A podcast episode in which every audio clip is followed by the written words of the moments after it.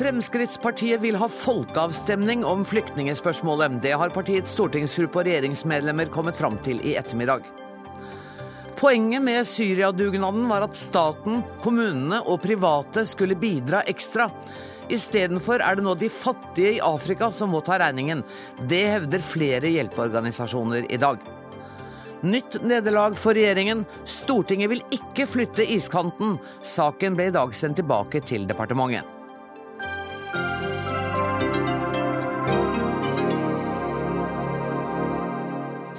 Dette er Dagsnytt 18 denne torsdagen, der vi også skal høre at politireformen nå er vedtatt, og nå begynner arbeidet med å sette den i verk. Politidirektøren kommer eh, mot slutten av sendinga for å fortelle hvordan han har tenkt å gjøre det. Men også i dag starter vi med Syria-flyktningene, og vi skal begynne denne sendingen med et veldig kort tilbakeblikk. Norge bør åpne for å ta imot til sammen 10 000 syriske flyktninger. 5000 i år og 5000 neste år. Sånn hørtes det ut under Arbeiderpartiets landsmøte i april. Jubelen sto i taket. Det gjør den ikke i dag. Skuffelsen er stor blant hjelpeorganisasjonene etter at gårsdagens Syria-avtale ble presentert. For Jonas Gahr Støres ord om 10 000 syriske flyktninger skulle få komme innen utgangen av neste år, og at det var på tide med en dugnad, har endt opp med en parlamentarisk baklengs saltomortale, sa du Liv Tørres. Hva mener du med det? Jeg mener at med det utgangspunktet vi hadde, et flertall på Stortinget som sto der støtt, skulder til skulder, og mente, hadde landsmøtevedtak i ryggen osv., at vi skulle ha en ekstra innsats i forhold til syriske kvoteflyktninger hit, 10 000, og ekstraordinær innsats i nærområdene og inn mot Syria. Og Da har jeg lyst til å starte med, med, med det siste. Eh, ekstraordinær innsats overfor en ekstraordinær katastrofe. Det er det vi har snakket om hele tiden. Vi snakker om 12 millioner mennesker på flukt inne i landet, inne i Syria. Vi snakker om 4-5 millioner i nabolandene. Vi snakker om unger som ikke har tannvekst fordi de ikke får kalsium. Vi snakker om mennesker som spiser bikkjene sine og blader og det de finner. Akkurat nå så pågår det kamper i Syrias nest største by, Aleppo, som, hvor man står i fare for at hele byen blir overtatt av ISIL. Den har vært delt i flere år mellom ISIL, eh, Assads styrker, andre grupper. De bombes ovenfra og kamper på bakken. Vi Ingenting har kontakt av dette kommer til å forandre seg om Norge hadde tatt imot 10 000 i løpet av de neste to årene? Det hadde i hvert fall hjulpet en god del om man hadde altså jeg snakket om et flertall på Stortinget som sto bak noen krav. Alle partiene var enige om at vi måtte hjelpe flere mennesker der nede, og vi måtte bidra med en ekstraordinær innsats. Det vi har gjort nå, det er jo faktisk å bevilge penger til Syria, 250 millioner kroner, og noen flere kvoteflyktninger her hjemme, finansiert av bistandsbudsjettet, og som jeg har satt det litt på kanten, fattige fra Afrika og andre deler av land. Eh, Tre av representantene ja. for denne avtalen sitter i studio. Dere skal få komme til det. Bare tenkte dere skal få litt mer kjeft, så jeg gir ordet til Ina Tien, du er seniorrådgiver i Amnesty. Eh, og hvis du med to ord skulle få beskrive denne avtalen, hva vil du si? Jeg vil si at den er eh, svak, og den er ubegripelig. Eh, og jeg kan begrunne det på den måten at det virket i løpet av våren som om partiene hadde tatt inn over seg alvoret i den situasjonen som Liv Tørres nå beskrev. Og så har de klart å forhandle bort det alvoret. For alvoret handler både om omfanget av de menneskene som nå er desperate og som er ekstra sårbare i Syrias naboland. 380 000 har UNHCR definert som ekstra sårbare. Og det er de som trenger å få et nytt land. Det er omfanget. Og så er det hastigheten. Det er faktisk en, en humanitær katastrofe som foregår nå. Og det er veldig mange desperate mennesker som trenger et nytt land. Det har de forhandlet bort. Eh, det er ikke den samme altså Det er spredd utover flere år. Og eh, antallet som vi vil ta hit, er halvert faktisk i forhold til ambisjonsnivået som et flertall på Stortinget hadde hadde bestemt seg for å stå ved. For da, Hvis vi forutsetter at vi opprettholder eh, det som er 1500 flyktninger som vi tar i år, og at vi forutsetter at vi tar det også neste år, så er vi også nede på en økning på 3500, ikke sant? Jo, altså vi sa 5000 i året utover den vanlige, ordinære flyktningkvoten. Og det er nå halvert og kanskje mer, litt ettersom hvordan man skal forstå den avtalen. Og jeg skjønner at du har mye på hjertet. Jeg må bare spørre Eirik Sivertsen, innvandringspolitisk statsmann i Arbeiderpartiet, hvordan det var mulig med det fantastiske utgangspunktet dere hadde, å forhandle seg ned fra 10 000 til 3005? Vel, vi øker innsatsen i Syria. Vi øker eh, bistand til grensekryssende innsats. Vi øker nabolandsstøtten.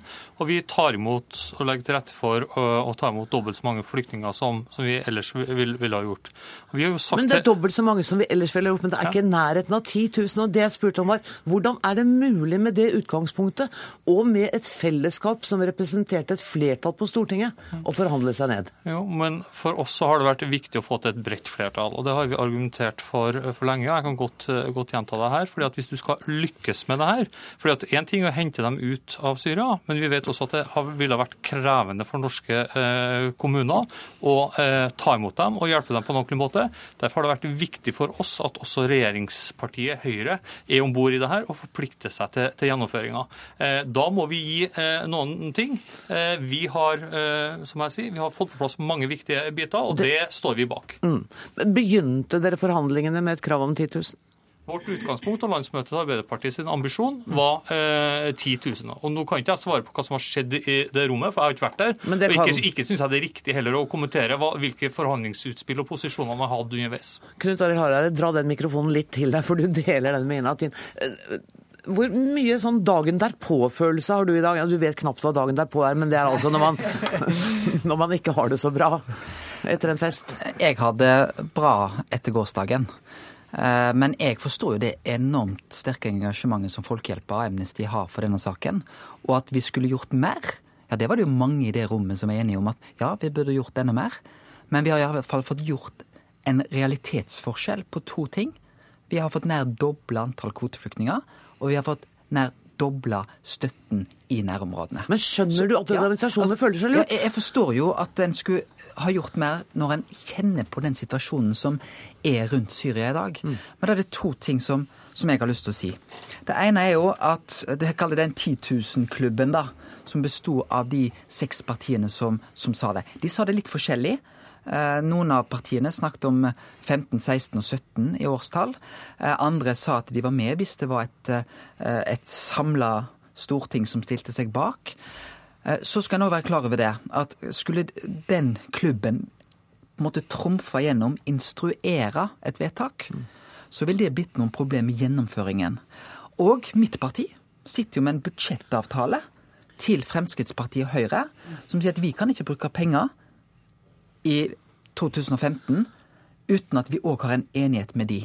Så skulle vi fått økonomiske tiltak òg på plass, så var vi avhengig òg å ha med oss Høyre. Og når vi da får til ikke 10 000, men vi får til 8000 Nei, dere får ikke til 8000. Jo, tallene Nei, dere er gjør jo ikke det. Fordi jo, at tallene er er 2000 i 2015. De er 3000 i 2016 og 3000 i 2017. Så er det òg sånn at dette er jo bare Syria. Det vil òg si at kvoteflyktninger utover Syria blir en sak i budsjettene, og så kommer i tillegg. Eh, Så det er i tillegg. Men- Så- Men jeg syns at det resultatet vi da kommer fram til, det er ikke helt i tråd med det KrF hadde ønsket, og flere av de andre partiene inni det rommet hadde ønsket, men det er en realitetsforskjell, og det er et steg, langt steg i riktig retning. Og når vi vet at hadde land i Europa gjort det samme som Norge, så ville UNHCR fått oppfylt sin kvote. Det, det viser bare hvor viktig dette er. Rasmus Hansson, du har ingen budsjettbindinger eh, til denne regjeringen, og allikevel så forsvarer du dette vedtaket. Hvorfor det? Ja, For det første er jeg jo fortsatt av den oppfatning at Norge burde ta, igjen, ta imot minst 10 000 syriske flyktninger. eh, Og eh, gjøre det i løpet av to år. Og ta pengene, pengene andre steder fra Hvorfor enn gjorde ikke dere som SV da, og sa at dette gidder vi ikke være med på? Fordi vi måtte stille oss spørsmålet eh, hva er viktigst? Å forsøke å få til noe for disse menneskene som er i akutt nød akkurat nå, eller å sitte på gjerdet og eh, være stolte av våre egne eh, landsmøtevedtak. Og vi valgte det første. Eh, og så var spørsmålet var det lurt å prøve å få med regjeringen eller ikke. Vi tror det er fornuftig å få med regjeringen, for da uh, unngår vi en situasjon hvor Stortinget tvinger en regjering til å ta imot noen mennesker som de ikke har lyst til å ta imot. Det kan bli en ganske dårlig situasjon. Når, det høres ut som en litt dårlig unnskyldning for meg når Stortinget Nei, er så mektig at de faktisk kan gjøre det. Ja, nå er jeg én på Stortinget. Jo, men dere sammen er, hadde flertall. Ja, men jeg er én på Stortinget, og jeg må gjøre meg opp en mening. Hvordan kan jeg bruke den innflytelsen som jeg har som én representant, med et landsmøtevedtak i ryggen, til å få til mest mulig? Og vi har altså fått til mye mer enn det regjeringen ville. Det syns jeg er viktig. Og så kommer jeg til å fortsette å jobbe hver dag for at Norge skal ta imot enda mye flere. Jeg har full respekt for at dette var krevende forhandlinger. Og jeg har også full respekt for at man ønsket å oppnå et forlik. At dette Man gikk inn for å få en løsning også med regjeringspartiene. Det jeg ikke har forståelse for, det er jo at man ender opp med et resultat som ikke bringer noen ferske, nye penger til Syria. Og finansierer både kvoteflyktninger hit og økt innsats i Syria fra bistandsbudsjettet.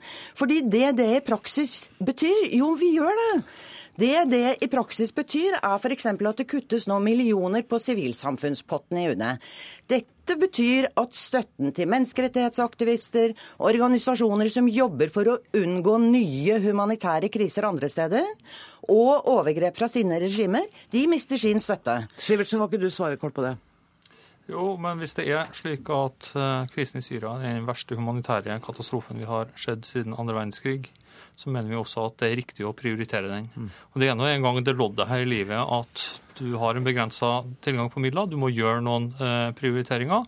Vi foreslo i fjor en Syria-milliard. Den var også foreslått eh, finansiert innenfor bistandsrammene. Da sa organisasjonene det er veldig bra at man prioriterer Syria.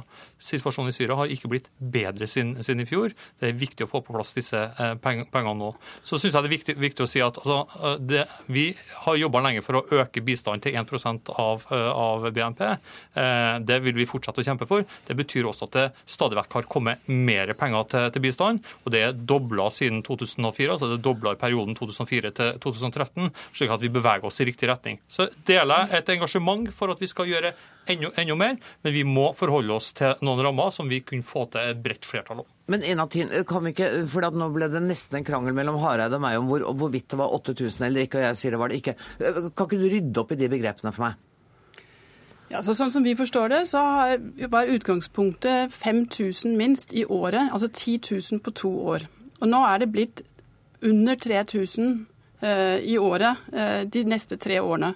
Eh, og da er det også lagt inn, eh, så vidt vi kan forstå, den ordinære flyktningkvoten i de tallene. Og de var det helt eksplisitt fra hele landet vår, eh, vår dugnadsinvitt i utgangspunktet at det skulle være en ekstraordinær kvote med syriske flyktninger som ikke skulle tas fra de andre eh, flyktningsituasjonene i verden som vi uansett også bør hjelpe. Og så kan jeg få si, jeg syns, jeg syns faktisk at denne her tallsnakken Vi snakker om under 10 000 mennesker, og vi snakker om 1000 og 2000. Det er faktisk ganske uverdig når vi tenker på omfanget av den krisen som er Tyrkia har tatt imot to millioner flyktninger. Eh, en representant for tyrkiske myndigheter sa til oss vi har ikke det privilegiet at vi kan diskutere om vi har kapasitet til å ta imot 10 000. For oss kommer det 10 000 trengende flyktninger i uka, og vi tar dem imot. Hvordan skal vi forsvare eh, og kritisere nabolandet til Syria for å stenge grensene, når vi krangler om noen få tusen til Norge i løpet av et år? Syria har et behov i Syria, nødhjelp og nabolandene på 60 milliarder i 2015 alene. Det er 22% av det som er dekket. Så ja, vi er helt enig i at Syria må, prioriteres. Samtidig så er det sånn at vi har fire av de mest alvorlige humanitære krisene som pågår internasjonalt. Vi har ekstraordinære utfordringer i verden rundt oss, som innebærer også sikkerhetsutfordringer for oss her hjemme, men først og fremst enorm nød der ute. Og da, det var i den rammen vi sa at vi må ha en ekstraordinær innsats med en ekstraordinær milliard. Vi sa aldri at ta det fra de som sulter i Afrika. Vi sa en ekstra milliard, en ekstraordinær støtte i en ekstraordinær setting. Og det har de fått etter din mening? Harald? Eh, De har fått eh, Nå er det 1,5 milliarder det blir 2016 til Syria. Eh, Noe av det har vært friske midler. Eh, Noe av det har vært omdisponerte midler. I den rund, Etter at vi setter oss ned og hadde samtalene, så har det kommet 500 nye millioner på plass i 2015. Av de er 250 omdisponert. Eh, Så er det sånn, ja, det er jo riktig det at eh, Hvilket tall er dette? Eh, Men det jeg har lyst til å si, det det er 8000 til Syria. De tre, altså 2015, 2016 og 2017. Men det er altså en kvote for kvoteflyktninger utover det. Ja, det sa du. Og, der, og det syns jeg er viktig, fordi ja, det er en eh, veldig krevende situasjon i Syria, men vi veit ikke hvordan verden òg blir framover. Så, så er det jo ja, Det er jo spesielt dette med at eh, skal vi diskutere, Er det 8 10 eller 12 000? Og jeg er jo helt enig i at det, egentlig ikke er et par tusen fra eller til, men jeg syns det er veldig viktig at vi tar imot òg i vårt eget land.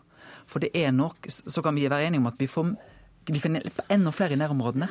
Men det er noen som trenger en spesiell beskyttelse. Som de ikke får i de flyktningleirene rett i nærheten. Men jeg tror ikke du får noen motstand fra disse organisasjonene på Nei, det. nei, men, men husk at vi, vi møtte ikke kritikken bare for denne sida. Vi hører jo at det vi har gjort, er uansvarlig. At det å gå langt over streken, og det går altfor langt til hinsides all fornuft, er det mange har meldt tilbake til oss òg. Så det er jo Også fra egne partimedlemmer? Nei. Nei. Eh, Vi skal komme er merkelig her. Vi har et parlamentarisk system. Altså, Vi har flertall av partier som støtter en sak. Vi hadde alle partiene støttet den andre delen av saken, som dreide seg om økt innsats i nærområdene. Og allikevel så klarer vi altså å komme fram til altså, jeg beklager. altså Jeg vet at dere har jobbet beinhardt for å få til dette. Men dere må jo skjønne også at vi syns det er litt snodig. Altså Det er jo akkurat som om systemet har slått litt sånn Rasmus Hansson, mortaler. syns du at de sitter og furter litt nå, organisasjonene? Nei, Jeg syns de gjør eh, jobben sin, og jeg har eh, veldig høy respekt for eh, begge de organisasjonene og mange andre. Men jeg er uenig i, i, Liv Tørresen når hun sier at det er snodig. Det er ikke snodig at man ikke får til det man vil, når man har en regjering som i utgangspunktet ikke vil noe. Mm. Dette er en forhandling mellom to parter i Stortinget, hvor eh, et flertall vil ha 10 000 eh, på to år, sånn som vi ville. Og så har du en regjering som ikke vil noen ting. Og da er spørsmålet er det lurt å ta med regjeringa. Jeg tror ja. Jeg tror det er bra for norsk flyktningpolitikk, og det er et bra gulv som man nå legger for å jobbe videre. Og det Hvis har man vi- mener at det var kjempelurt å kjøre over regjeringa, OK, det er en annen strategi, men det er jeg ikke enig i. Vet dere hva, Jeg er nødt til å sette strek, og jeg må si takk til Liv Tørrese Inatin. Og så er det slik at det har skjedd noe politisk. så Jeg vil gjerne invitere dere andre tre til å være med. Jeg vet at jeg kaster dette på dere nå helt uforberedt, men det er altså slik at Fremskrittspartiet har hatt et møte i dag med regjeringsmedlemmene og stortingsgruppa, og de har kommet fram til en konklusjon. og Jeg vil gjerne invitere dere til å møte Per Sandberg og kommentere på det. Er det i orden for dere, eller vil dere gå? Jeg har møtt Per Sandberg i Dagsnytt 18 før, jeg, så jeg er klar. Jeg har, jeg har ikke møtt den, så det skal bli interessant. Hjertelig velkommen, eh, Per Sandberg. Jeg sa i introduksjonen til eh, denne sendinga at eh, dere har bestemt dere for at dere vil ha en folkeavstemning om flyktningspørsmålet. Mm. Kan du fortelle litt hva som skjedde på møtet hos dere i dag? Nei, Vi hadde et langt møte og diskuterte eh, innholdet i denne avtalen. Vi har i hvert fall prøvd å tolke avtalen, og vi tror vi har kommet fram til hva, hva avtalen innebærer. Ja. Eh, og Først og fremst så er jo avtalen bare klar på én ting, og det er at man skal ta imot 3000 syriske flyktninger i 2016. Eh, Utover det så er alt veld, veldig ullent. Men så hører jeg at ambisjonene da er 8000 syriske flyktninger, og så forholder vi oss til det. Det betyr sannsynligvis da 12 000-13 000 syriske flyktninger når du inkluderer da familiegjenforening. Det er totalt uansvarlig. Nå skal vi bruke ei uke på å hente konsekvensene ut av dette, sånn at Hareide og hans partnere får se konsekvensene av sine vedtak. Så mener vi at denne saken er så alvorlig at eh, vi vil eh, fremme forslag i Stortinget om at det under kommunevalget i år fremmes også en folkeavstemning i forhold til dette spørsmålet.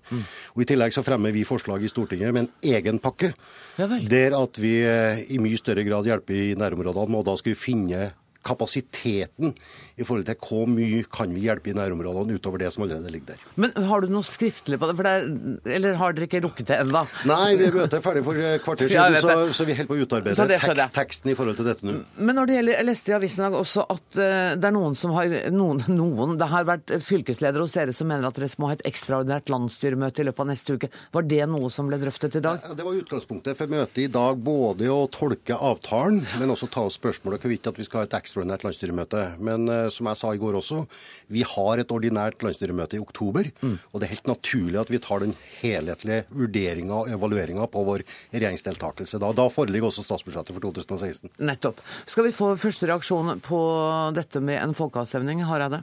Jeg syns det er bare trist at en skal ha et forslag om en folkeavstemning, om en skal hjelpe noen av de menneskene som er i den største nød i dette landet, eh, i, i, i Syria. Eh, og jeg mener, som jeg sa for noen få minutter siden, vi er nødt til å gjøre begge deler.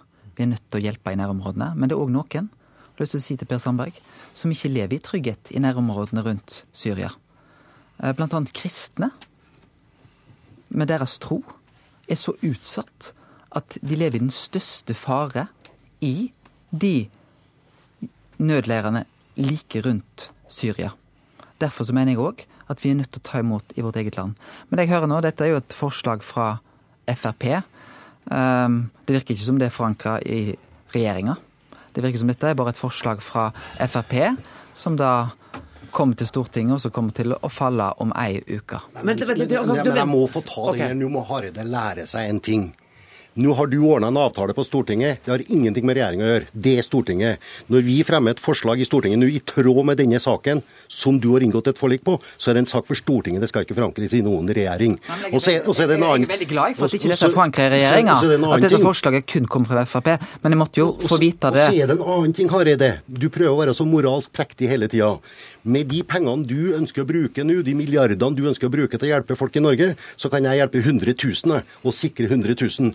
Så det er da en sprik i moralen som du står for. Men det, det som jeg lurte på, var uh, holdningen til folkeavstemning. Og jeg forstår at du mener at det er ikke noe godt alternativ? Jeg syns ikke det er noe Altså, vi har jo tatt imot flyktninger uh, i betydelig størrelse to ganger på 90-tallet. Det var aldri snakk om en folkeavstemning på det Eh, tidspunktet. Det satt heller 5000 i kø, da tok vi ikke inn mot 20 000 i hvert år. Nei, men vi... Skal jeg høre hva Arbeiderpartiet og Erik Sivertsen, eh, hva er din første reaksjon på eh, tanken om en folkeavstemning om dette spørsmålet? Jeg tenker at det er en sak som er veldig dårlig egnet. Jeg syns Hareide har en veldig god argumentasjon. Skal ha en, en avstemning hvorvidt vi skal hjelpe disse menneskene som er i en ekstremt sårbar eh, situasjon, det fremstår ikke som en eh, god idé. For Arbeiderpartiet sin del så har vi utforma vår politikk på, på, landsmøtet i tråd med det verdigrunnlaget vi også har gått til, til valg på. Så vi mener i utgangspunktet ikke tenker jeg, at det skulle være, være, behov for det. Nå får vi jo se hvilket forslag som faktisk kommer på bordet. Men jeg må jo få lov til å si sånn i forlengelsen av denne andre debatten, så har jeg jo hørt Per Sandberg tidligere snakke om maktfordelingsprinsippet. og Det er jo litt oppsiktsvekkende da at eh, Frp1 som befinner seg på Stortinget, mener at det som foregår på Stortinget overhodet ikke har noen forbindelse med hva regjeringa eh, foretar seg eller, eller, ikke. Det er en litt spesiell form for parlamentarisme, og det er i hvert fall ikke et syn jeg deler. Rasmus Hansson, jeg må spørre deg også, hva er din første reaksjon på tanken om en folkeavstemning om dette? Ja, Det er jo at eh, noen i Fremskrittspartiet har fått hetta, men her er det altså et eh, bredt forlik på Stortinget. Og det er ganske interessant at Fremskrittspartiet var jo i lang tid med på de forhandlingene, vel vitende om hva det ville føre til. Eh, og Fremskrittspartiet har da selv vært med å gi legitimitet til det resultatet som er kommet. Og da blir det litt underlig, og jeg går ut fra at det også kan kanskje få noen konsekvenser innad i Fremskrittspartiet. Det får bli opp til dem. Og plutselig komme til, plutselig komme til et, et sånt resultat, som egentlig sier at eh, hele den avtalen som nå er kommet, er illegitim. Og da er det jo litt rart at Fremskrittspartiet i utgangspunktet har deltatt. Men Den avtalen som ligger her nå, det er uansvarlig den er meget uansvarlig, og vi aner ikke konsekvensene ut ifra det. Og derfor syns Statsministeren i Norge er uansvarlig, er det det du sier, Per Sandberg? Jeg sier at avtalen er uansvarlig. Statsministeren har ikke skrevet under på dette. Det er parlamentarisk leder for Høyre, i Høyre som har skrevet under på dette.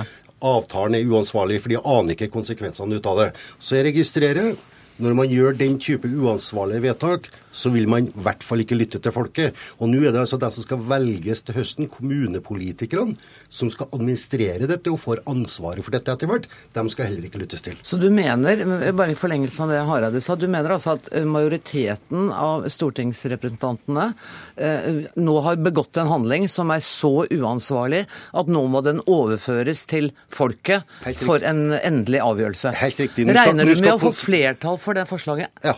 Ja. Nå må konsekvensene komme på bordet når vi skal behandle dette forslaget i Stortinget, sånn at Hareide og co. får se konsekvensene av sine egne uansvarlige eh, forslag.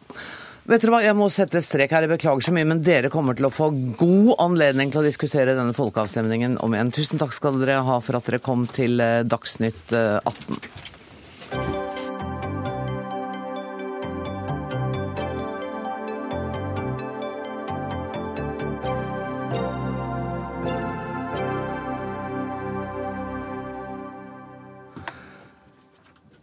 Sin, nei, Cinemateket skal jeg begynne å si. Jeg skulle si regjeringen foreslår at Oslo Cinematek ikke lenger skal være en statlig etat.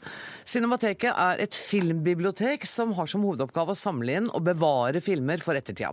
Forslaget om at det nå ikke skal eh, være en statlig etat, skaper politisk strid. Fordi mange mener at dette kommer til å stanse hele utviklingen i norsk film. Og Yngve Sæther, filmprodusent og tidligere programansvarlig på Cinemateket. Hvorfor er det så himla sterke reaksjoner i bransjen?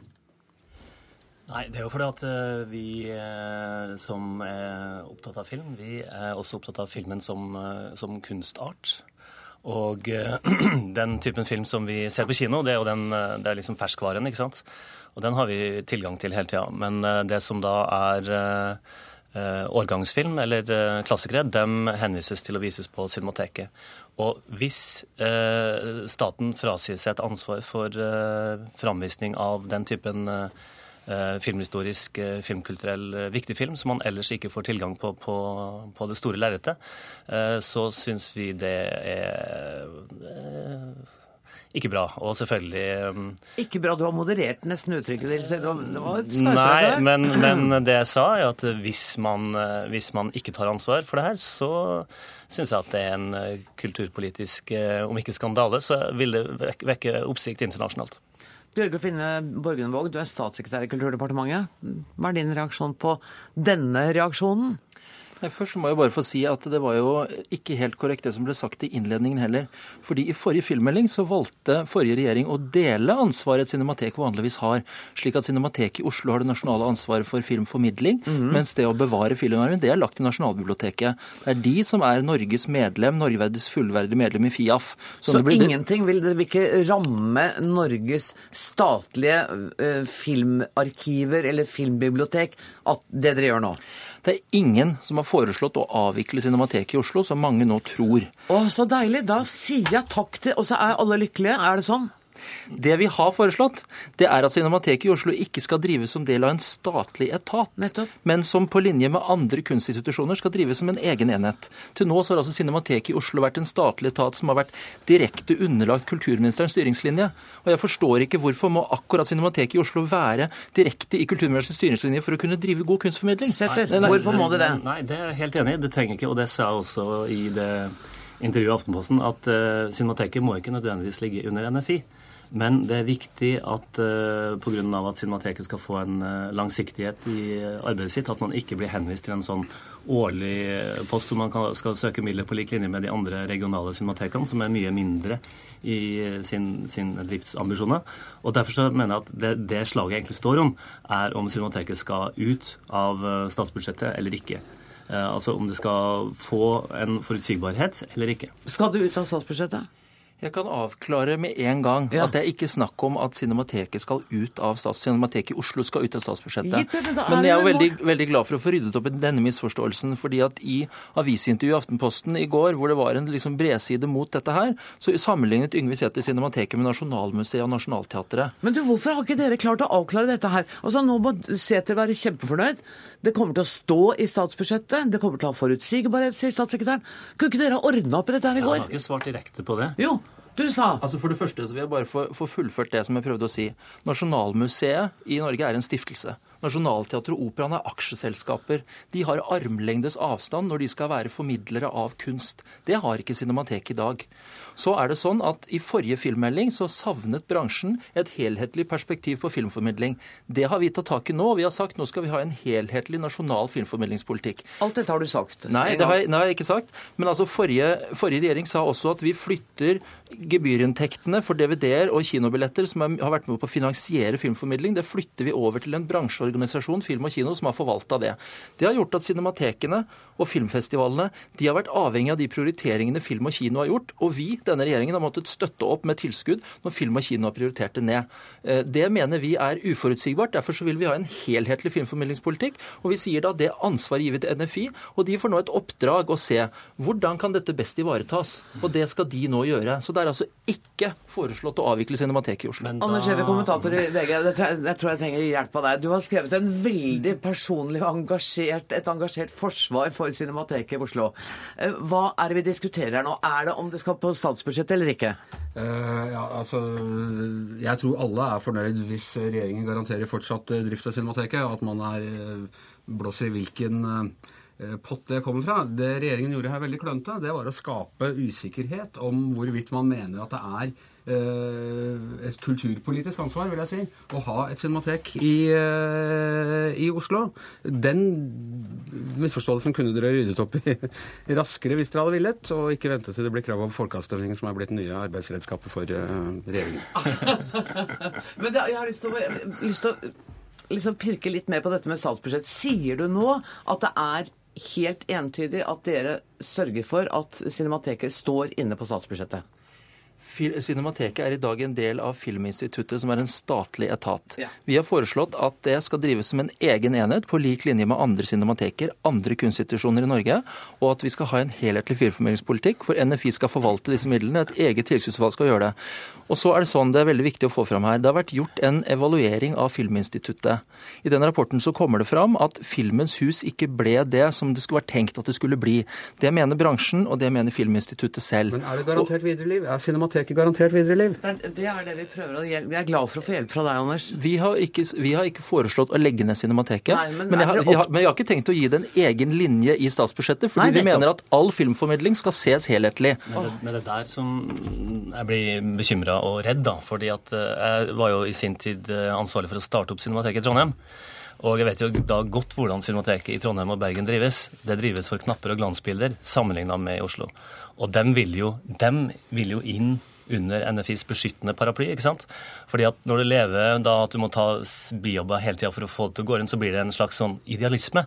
Og det kan vi ikke ha hvis vi skal ha en profesjonell eh, filmkultur i Norge. Og det som jeg frykter for, det er at man får en pott som NFI er satt til å disponere, som er for lite til alle. Og så blir det, du vet, når krybben er tom, så bites hestene, og så blir det krangling internt. Og så sier dere bare det får dere ordne opp i. Og så får da Cinemateket i Oslo langt mindre midler til eh, rådighet enn ellers, og det blir fra år til år, og ingen langsiktig trygghet som man har om man kommer inn som fast post på statsbudsjettet. Men Anders som bruker, også ikke som ansatt, hvorfor er Cinemateket så viktig for deg og meg? Altså, Jeg tror det er viktig uh, på lik linje med at man, at man skapte ikke utrygghet rundt Nationaltheatrets uh, skjebne da Fjernsynsteatret kom. Fordi det er noe med Altså, det er fint at det er fjernsynsteater, men kino er, kinofilm er skapt for å se på kino. Nå har alle I gamle dager så gikk filmene lenger, de dukket opp igjen på kino. Det gjør de ikke lenger. Man trenger et sted hvor filmer hvor du kan gå og se 'Ringenes herre' om noen år, slik det var ment å sees, også uten at filmbyrået har liksom bestemt seg for å, å, satse på en ny og, og stor relansering. Og det, det, er det Cinemateket er til. Det er til den originale kinoopplevelsen. Har du vært overrasket over det voldsomme engasjementet for Cinemateket? Nei, egentlig ikke. Altså, film er vår tids kunstform, og det er en, den kunstformen jeg tror er mest demokratisk, berører flest uh, mennesker. Flest mennesker har glede av. Det ikke alle ser på det som kunst. Det er også som underholdning, men det er en helt unik form for eh, kulturopplevelse. Og da må jeg bare spørre igjen, altså den, De kommer ikke til å få en egen linje i eh, statsbudsjettet, men de kommer ikke til å bli tatt ut av statsbudsjettet. Har jeg oppfattet statssekretær riktig da? Altså Jeg reagerer på at eh, vi blir beskyldt for å være klønete og ikke rydde opp. For vi har nå i en uke forsøkt å si dette her, at filmbransjen vil ha garantier på forhånd for et budsjett som kommer til høsten. Det er ikke noe nytt. Men vi har altså her foreslått en filmmelding å få en helhetlig filmformidlingspolitikk. Vi har foreslått en filminsentivordning. Vi har foreslått enklere tilskudd. Vi har foreslått nye mål for politikken. Og så blir alt tolket i verste mening, og vi er liksom slemme. Og når vi sier noe, så tror man ikke på oss. Jeg må bare ta det til etterretning. Men vet du hva, Kan ikke da gå ut og vise hvor snille dere er, men gjør det utenfor denne, disse studioveggene. Tusen takk for at dere kom, Bjørgulf Vinne Borgenheim, Anders Giæver og Yngve Sæter.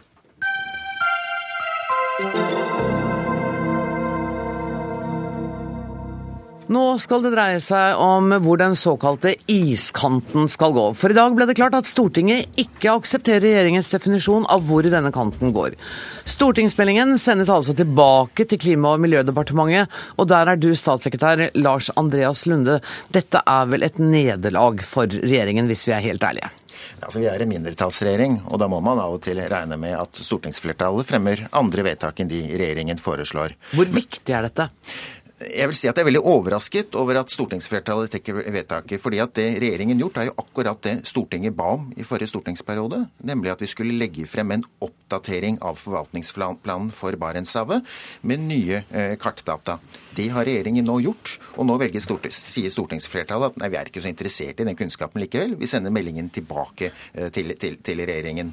Eh, nå, selv om det er et stortingsflertall her, så vil jeg også, også, legge til at når vi nå har lagt frem denne oppdateringen, så bruker vi den samme samme definisjonen som har ligget til grunn for de kartene Stortinget har fått seg presentert både i 2006 og 2011.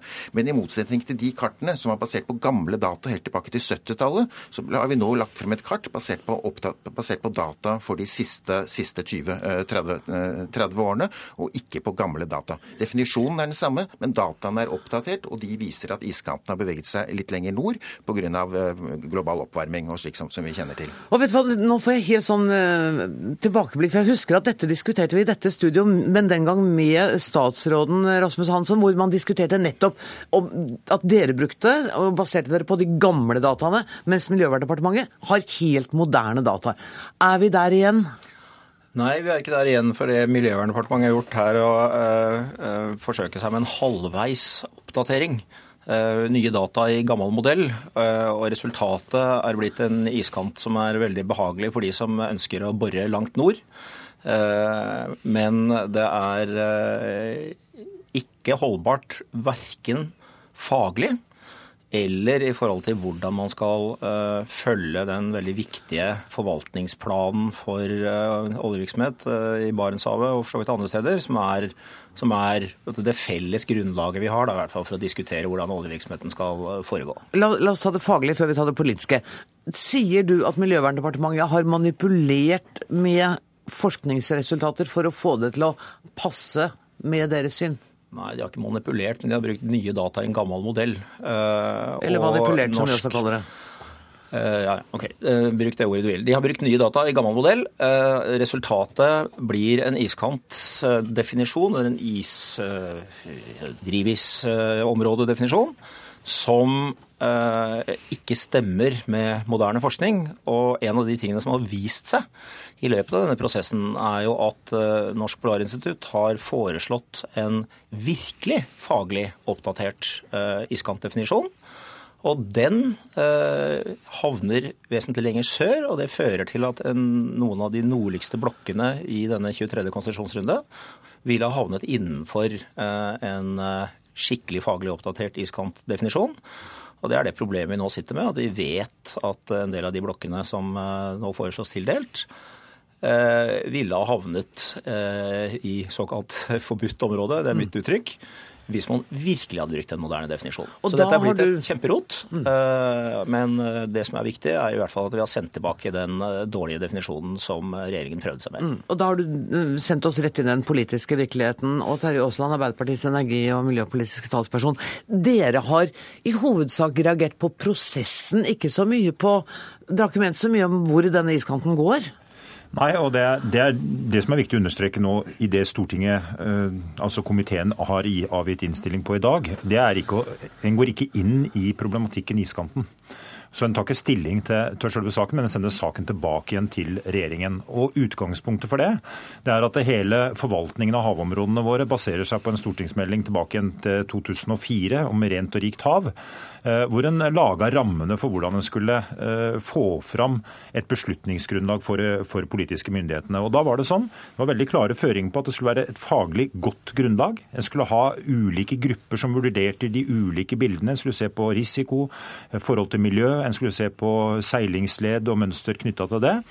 Eh, og så skulle det grunnlaget ut på høring, og så skulle en på bakgrunn av det igjen fatte politiske eh, beslutninger eller konklusjoner. Det har regjeringen unnlatt å gjøre denne gangen. Og det regjeringen i tillegg sier i stortingsmeldingen, det er at de har til hensikt å foreta denne type jevnlige oppdateringer av forvaltningsplanene våre. Og da river vi stykker metoden for å forvalte havområdene, og det mener vi må baseres på gode faglige, eh, helhetlige grunnlag. Og det må være også gjenstand for høringer og diskusjoner i forkant av de politiske beslutningene. Det har ikke regjeringen gjort. Men er du enig med Rasmus Hansson i hans vurdering av hvordan departementet har brukt det faglige materialet, det statistiske materialet? At de bruker nye opplysninger på gammel metode? De bruker eh, oppdaterte iskart på eh, den, definisjonen som har, eller den, den, den faglige definisjonen som har vært brukt tidligere. Men Stortinget har jo ikke gått inn i det. Nei, det skjønner Stortinget har bare jeg. sagt veldig tydelig om- denne saken sendes tilbake igjen. Og diskusjonen, og jeg er enig med Rasmus Hansson i at det regjeringen nå har gjort, eh, med den måten de har håndtert denne saken på, det er å skape betydelig usikkerhet knytta til petroleumsvirksomheten i de områdene, og ikke minst miljøverdiene og hva som skal tas hensyn til, basert på det de har gjort. De må huske på at de la fram eh, forvalt, altså de, de sa at de ville legge fram en oppdatert forvaltningsplan den dagen hvor eh, Tord Lien som olje- og energiminister utlyste 23. konsesjonsrunde. Så de skaper en betydelig usikkerhet, og de har skapt mye forvirring. Nå har Stortinget vært tydelig, sagt dette må eh, regjeringen eh, jobbe ordentlig med, i tråd med det som har vært tidligere praksis. Men statssekretær, du sa nettopp at du var overrasket over at Stortinget har valgt å sende det tilbake. Nå hører du Tom som sier at dere har rota det til, dere har skapt forvirringen. Ja, Det er vel disse som har skapt, kanskje særlig Arbeiderpartiet, som har skapt forvirringen. Rasmus Hansen ønsker en annen faglig definisjon av iskanten. Det syns jeg er helt fair. Da syns jeg kanskje kunne fremmet det som et forslag i behandlingen, og det er helt fair at vi har av en ulik politisk oppfatning. Jeg vil jo si at det er Arbeiderpartiet som har skapt rot. Først ber de om en oppdatert forvaltningsplan basert på nye, oppdaterte data. Det gjorde dere i forrige stortingsperiode, i likhet med et enstemmig storting for øvrig. Og når nå vi da presenterer disse oppdaterte dataene på et begrenset område, riktignok, så sier de at er vi ikke interessert i denne kunnskapen likevel. Det som er viktig for petroleumsvirksomheten i, i Barentshavet og andre steder for øvrig også, at man baserer seg hele tiden på et oppdatert kunnskapsgrunnlag. Vi presenterer nå et kart basert på oppdaterte data, og ikke kart basert på data fra 70-tallet, slik man tidligere har hatt. Så er det slik at det er et stortingsflertall som riktignok er e- samlet om å sende en meldingen tilbake til regjeringen. Men det er jo det eneste dette stortingsflertallet er enige om. Og det å sende den tilbake har- de ut fra vidt forskjellig utgangspunkt. Rasmus Hansson ønsker ikke petroleumsvirksomhet i Barentshavet i det hele tatt. Da er det ikke så vesentlig for han hvor iskanten går. Terje Aasland han ønsker petroleumsvirksomhet overalt innen i Barentshavet sørøst. Da spiller det heller ingen rolle hvor iskanten går. Slik at Det er jo ikke, det er ikke et samlet stortingsflertall utover det. altså De er enige om å sende meldingen tilbake til regjeringen. Jo, Vi er veldig enige om i Stortinget at eh, skal vi behandle forvaltningsplaner, så må det være først og fremst et faglig bredt grunnlag eh, i forvaltningsplanene. En må ha eh, de ut på høring, og så kan fatte politiske beslutninger basert på det. Det har jo regjeringen unnlatt å gjøre. Og er det noe som virkelig skaper forvirring nå, så er det jo, jo regjeringen sjøl, og ikke minst det nå statssekretæren forteller oss. Men, men jeg må litt tilbake til statssekretæren og, og forholdet til Miljøpartiet De Grønne. fordi at Miljøpartiet De Grønne sier jo ikke her at det er fordi de ikke vil holde oljeboring i hele tatt. De, påpeker altså at dere bruker nye data i gammelt materiale. Er det riktig, eller er det feil? Ikke gammelt materiale. Vi bruker nye data basert på den samme Sam. definisjonen som Stortinget hele tiden, helt fra forvaltningsplanen, den første forvaltningsplanen kom i 2006 og frem til nå, akkurat den samme definisjonen er det vi har brukt. Bare at vi har plugget i nye data i motsetning til, til gamle data. Hva er det som er så gærent med det, Hansson? Det er at verden er- har forandret seg pga. oljevirksomheten. Eh, Så er hele eh, klimadynamikken i nord endret. Og det betyr at eh, også modellgrunnlaget må oppdateres når man skal forsøke å lage en definisjon av hvor dette området som vi nokså feilaktig kaller iskanten, det er en sone med drivis. Som beveger seg nordover og sørover både i, i, i årstider og, og, og fra dag til dag. Eh, Men for å få definert sånn cirka hvor den er, sånn at man kan krangle om hvor oljeblokkene skal ligge, eh, så må den være faglig riktig. Og verden har forandret seg så mye at Norsk Polarinstitutt har laget en ny modell med nye data. Og hvis man hadde brukt den, så ville man sagt, sett at flere av de blokkene som er foreslått i 23, delt ut i 23. konsesjonsrunde, ligger innenfor det området som Nettopp. er oppdatert. Og nå vet vi det, og så sitter vi altså i saksa og får ikke brukt den moderne modellen. Eh, Men vi risikerer altså at eh, om en stund, når den nye modellen kommer i bruk, så har vi tildelt blokker for langt nord. Men Aasland, hva, vil dagens avgjørelse om å sende dette tilbake eh, ha å si for tildelingene i 23. konsesjonsrunde? Nei, Det som er utgangspunktet for tildelingen i 23. konsesjonsrunde, det er Stortingets vedtak fra 2013 eh, gjennom åpningsmeldinga av Barentshavet sørøst. Så det betyr ingenting, dette? I praksis betyr det ingenting. og Derfor er det også et spill det regjeringen nå har presentert gjennom eh, å legge fram denne forvaltningsplanen og linke det opp mot, opp mot 23. konsesjonsrunde. Derfor skaper de usikkerhet både om fortsettelsen på hvordan en skal utarbeide forvaltningsplaner, og ikke minst forholdet til petroleumsvirksomheten. Det er dere som skaper usikkerheten. Du får et halvt minutt. Skal man lyse ut disse blokkene, så må man også vite hvor iskanten går. Eh, det er enighet i Stortinget om at det ikke skal drives petroleumsvirksomhet ved iskanten. Jeg er litt usikker hva Arbeiderpartiet mener her, faktisk. Men i hvert, fall, i hvert fall regjeringspartiene mener at det ikke skal drives petroleumsvirksomhet ved iskanten. Men da må vi jo vite hvor iskanten går i dag, og ikke hvor den gikk på 1970-tallet. Så langt eh, kom vi i dag. Tusen takk for at dere kom, eh, Lars Andreas Lunde, Rasmus Hansson og Terje Aasland. Inn i studio kommer eh, kollega, politisk kommentator her i NRK, Lars Nehru Sand. Altså det, eh, det, jeg fikk ut av dette, er at det er en helt åpenbar uenighet, og kanskje til og med tredelt uenighet. Er det riktig? Ja, det er jo det, og det henger jo sammen med at vi fortsatt ikke er ved veis ende i hovedprosessen, nemlig hvor skal på en måte oljeplattformene potensielt sett kunne stå eller ikke. Og Det gjør jo at det blir litt forvirrende for noen og hver eh, når man eh, er der man er i dag.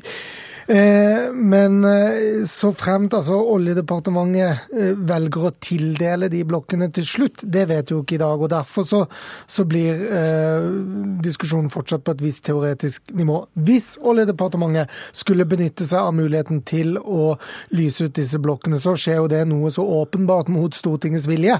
Og da blir det selvfølgelig bråk, kanskje aller mest fra, fra miljøpartnerne til, til regjeringen i Kristelig Folkeparti og Venstre Venstre, som med dette vedtaket, i, tillegg til Arbeiderpartiet da, har fått med seg et stortingsflertall til å si til regjeringen at det dere prøvde på eh, med denne stortingsmeldingen fra eh, Tine Sundtoft, det er ikke greit. Hvor stort er dette nederlaget for regjeringen overfor Tine Sundtoft? Ja, Det er jo veldig spesielt. Altså, det er ikke spesielt i seg selv at en statsråd ikke får gjennom politikken sin i, i stortingssalen. Den, jo, den, kan jo bli stemt ned. Eh, det er jo ikke uvanlig.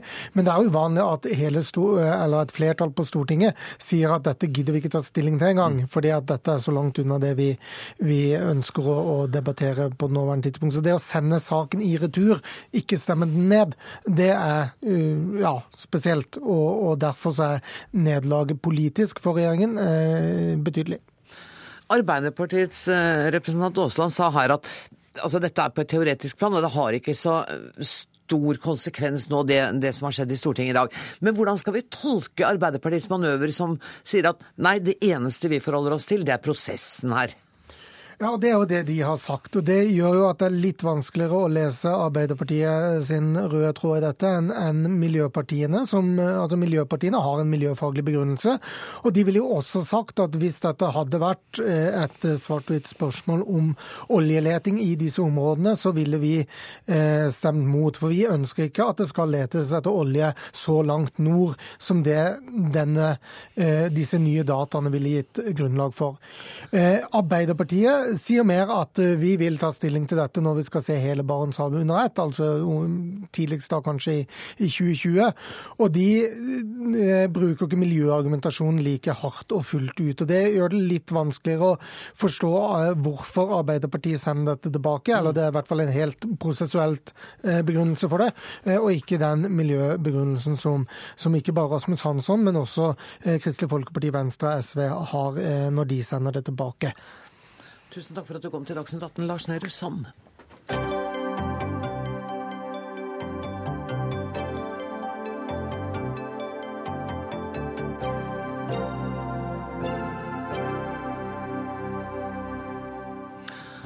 Arbeidet med ny politireform er godt i gang. Det varslet Politidirektoratet i dag, mindre enn 24 timer etter at Stortinget vedtok den. Nå skal antallet politimestre ned fra 27 til 12, og ting skal skje raskt.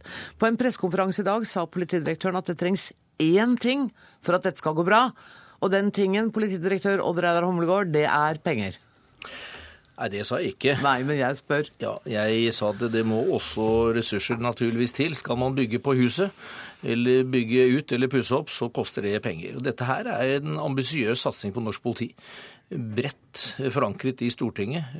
Det er vi veldig glad for. Det er en kjempemulighet til å gi bedre tjenester til publikum. Men jeg sa også det at jeg er glad for å høre at det i Stortinget i går blei eh, omerindret at det også vil eh, koste noe mer. Men det skal betale seg godt. Hvor mange penger og hvilke forsikringer har du fått fra Stortinget? Nei, dette må jo eh, regnes på grundig, og det må prioriteres hva som skal komme først. Eh, noe som er veldig viktig, og som det er enighet om, det er jo eh, økningen i antall politistillinger, mm. som vi har hatt nå i flere år. Det betyr veldig mye. Det er vi veldig glad for. Men det er også en god del på teknologisida, infrastruktur, ombygging og alt det som summeres opp. Og det må vi bidra med innspill til. Og jeg har stor tro på at når det er så bred enighet på Stortinget, at man forstår også at det må bli noe noe dyrere. Men eh, vi skal også klare å effektivisere oss eh, sjøl. Det er også en eh, utfordring for oss, og det er vi også godt i gang med. Mm. Du er fornøyd med å forvalte det vedtaket som Stortinget har fattet, til tross for at i utgangspunktet så ville du helst ha seks politidistrikt? Politianalysen gikk for seks politidistrikt. Jeg skrev i min, eh, hørings, eh, mitt høringssvar at eh, inntil ti politidistrikt vil gi bedre polititjenester. Og så aksepterer vi naturligvis at Stortinget da legger vekt på noen andre kriterier, og det er særlig geografi. Og da fikk vi to politidistrikt til, og det lever vi godt med. Dette skal bli et bra resultat. Hvordan skal dette her en nærpolitireform? Hvordan skal det bli et nærere politi med færre politidistrikt og flere politifolk på, i bil, på hjul? Ja, de skal ikke bare være i bil på hjul, men vi skal eh, ved å være til stede færre steder, så kan vi være mer til stede der folk trenger oss. Det betyr at folk må reise litt lengre for å få pass hvert tiende år, men vi skal komme raskere og oftere når vi virkelig trengs, og vi skal også forebygge på en bedre måte og etterforske på en bedre måte. Dette har vi gode eksempler på, eh, som har vært utprøvd både i Follo og i Troms. Vi ser at det funker i praksis. Det blir bedre polititjenester for folk flest. Du, det er interessant at du nevner etterforskning. fordi eh, Gjørv-kommisjonen la jo i, i, sin rapport veldig vekt på eh, det operative, eh, det beredskapsmessige. Mm. Mens nå, eh, i samledokumentet, som heter Samledokument for enighet mellom Arbeiderpartiet, Høyre, Fremskrittspartiet, Kristelig Folkeparti og Venstre om nærpolitireformen, så er det lagt vekt på etterforskningen. Kan det ha direkte sammenheng med Monica-saken, som virkelig har rystet den norske sjela? Ja, det er ingen tvil om. Det står det også klart. Det var også fremme flere ganger i debatten i, i, går i Stortinget, og det forstår jeg godt. Vi er i gang med et stort prosjekt for å satse på etterforskning. Det er vi enige med Riksadvokaten eh, om. For han har mast mye om det? Han har mast mye om det, og jeg er glad for at vi står nå sammen om dette. Og vi er eh, enige om at dette må det satses på, og det er viktig for å få balanse i porteføljen vår. Hvor viktig er det for deg å skulle kunne gi garantier for at vi ikke opplever en ny Monica-sak? Ja, Det er en spesiell sak. Det er eh, ikke noe tvil om at det er en eh, sak som har rammet eh, den familien. Og befolkningen er opptatt av dette, naturligvis. Det har gått på tilliten løs, det forstår jeg godt. Men det er altså ikke slik at det gjøres bare dårlig arbeid i Hordaland politidistrikt. Det gjøres mye bra, men vi må nå gjøre noen grep for å unngå dette. Og det har vi faktisk noen planer om når vi nå skal organisere dette fremover. For det må gleder meg til å høre mer om. Men den ja. varslersaken eh, skulle undersøkes også. Får vi vite noe om hvordan det arbeidet går? Ja, det er mange ting som har truffet Hordaland politidistrikt eh, de siste månedene. Det er ikke noe tvil om. og Vi eh, venter jo på nå denne gjennomgangen av det varslingssaken, og det må vi ta på alvor. Mm. Eh, vi skal ikke ha det slik at medarbeidere som sier ifra, ikke blir hørt. Jeg hadde ikke tenkt å bruke mye tid på dette, men jeg ble litt fristet til det. Jeg går tilbake til samledokumentet. fordi at Der skriver altså partiene at disse medlemmene, altså partiene, understreker at hovedlinjene for norsk politi, hvor det operative ansvaret ligger i politidistriktene og i særorganene. Det er et veldig tydelig dokument på at Politidirektoratet skal holde fingrene fra fatet fra det operative.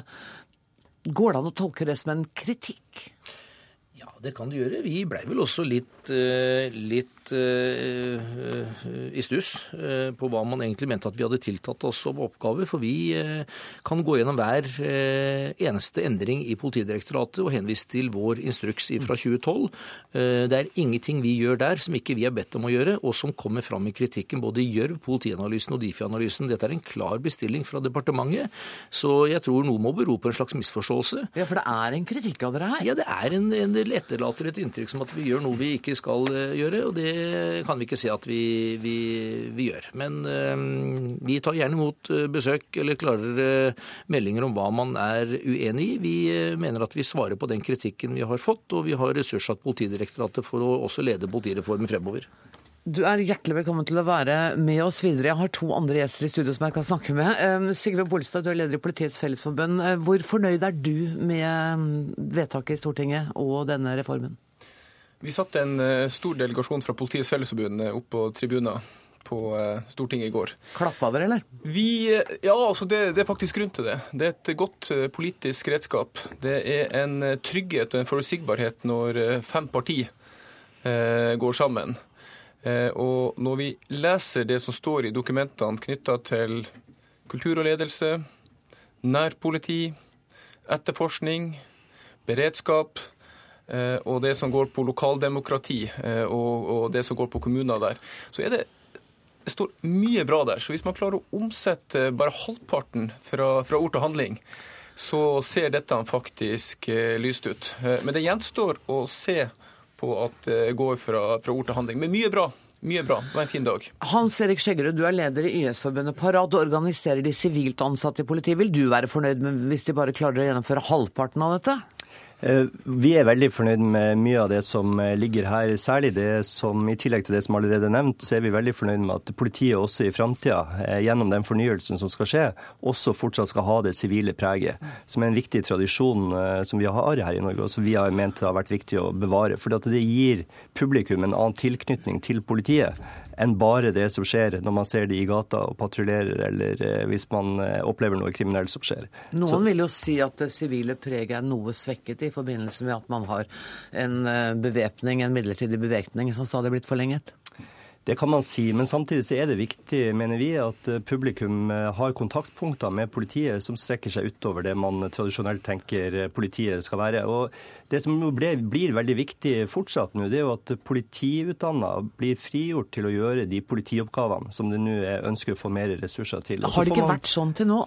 Det, det, er fortsatt behov for å kunne gå mer igjennom her og få, få sivilt ansatte til å ta andre typer oppgaver som ikke nødvendig politifagutdanna i dag gjør. Hvordan vil denne reformen påvirke dine medlemmer i politiet? Vil påvirke dem på mange måter, men man er positiv til det at man nå får et mer enhetlig politi. Et politi som betjener publikum på en mer likhetlig måte over hele landet. Selv om det selvfølgelig fortsatt vil være noen forskjeller.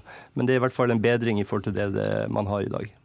Sigurd Bolstad, er du fornøyd med det politidirektøren har lagt fram her i dag, om hva han tenker om framtidas politiorganisering? Altså vi, vi, er avhengig, Skal vi lykkes, så er vi avhengig av et godt samarbeid. Har dere det? Vi har et godt samarbeid. Okay. Både med ledelse og vernesida og fagforeningen. Og det må, I forhold til den bestillinga som kom på Stortinget i går, det er en stor bestilling. og Jeg er glad for at politidirektøren er tydelig på rammevilkårene. Både det som går på det bemanningsmessige, det som går på ressurser og det som går på økonomi. En så stor omorganisering som vi nå skal gjennom, klarer seg ikke uten at man tilføres omstillingsmidler, og uten at man har et fokus på det som går på ressurser. Men så er det også et forbedringspotensial i dag i norsk politi, og det er vi villige til å være med på i et godt samarbeid og få til fremover. Utgangspunktet er i så måte det beste. Jeg har bare lyst til å følge opp det som går på, på, midler. Det er jo det noe vi har sett nok av i andre omstillinger og reformer. Man tilfører ikke midler. Man er fornøyd med beslutninga, den politiske. Politikerne må nå kjenne besøkelsestida for å på Og tilføre med, med, midler. Du kaller det midler, ja. politidirektøren kaller det ressurser, jeg kaller det penger. uh, og er der Humlegård, uh, hvor fort er vi i gang nå? Vi er jo i gang. Vi har jo jobbet lenge med å forberede det vi vet skulle komme. Og vi gjør også mange ting som ikke ble besluttet i Stortinget i går, men som er eh, vårt eget ansvar. F.eks. å sørge for en effektivisering eh, og kvalitetsforbedring på en god del av fellesfunksjonene i politiet, som vil komme politiet og befolkningen til gode. Så vi er godt i gang. Vi har troa på dette her. Det er en ambisiøs bestilling, og det er eh, sånn sett en Det var en veldig god dag i går. Og vi har et supert samarbeid med fagforeningene. Så det er ganske mye musikk nå, altså, ja, som er bra. Det, det skjønner jeg bare gladlyder som på slutten av Dagsnytt 18 også. Tusen takk for at dere kom, Odd Reidar Humlegård, Sigve Bolstad og Hans Erik Skjeggerød. Jeg rekker så vidt å få nevnt at ansvarlig for dagens sending var Berit Ytterhus, det tekniske ansvaret av Finn Lie, og jeg heter Anne Grosvold og ønsker dere en god kveld.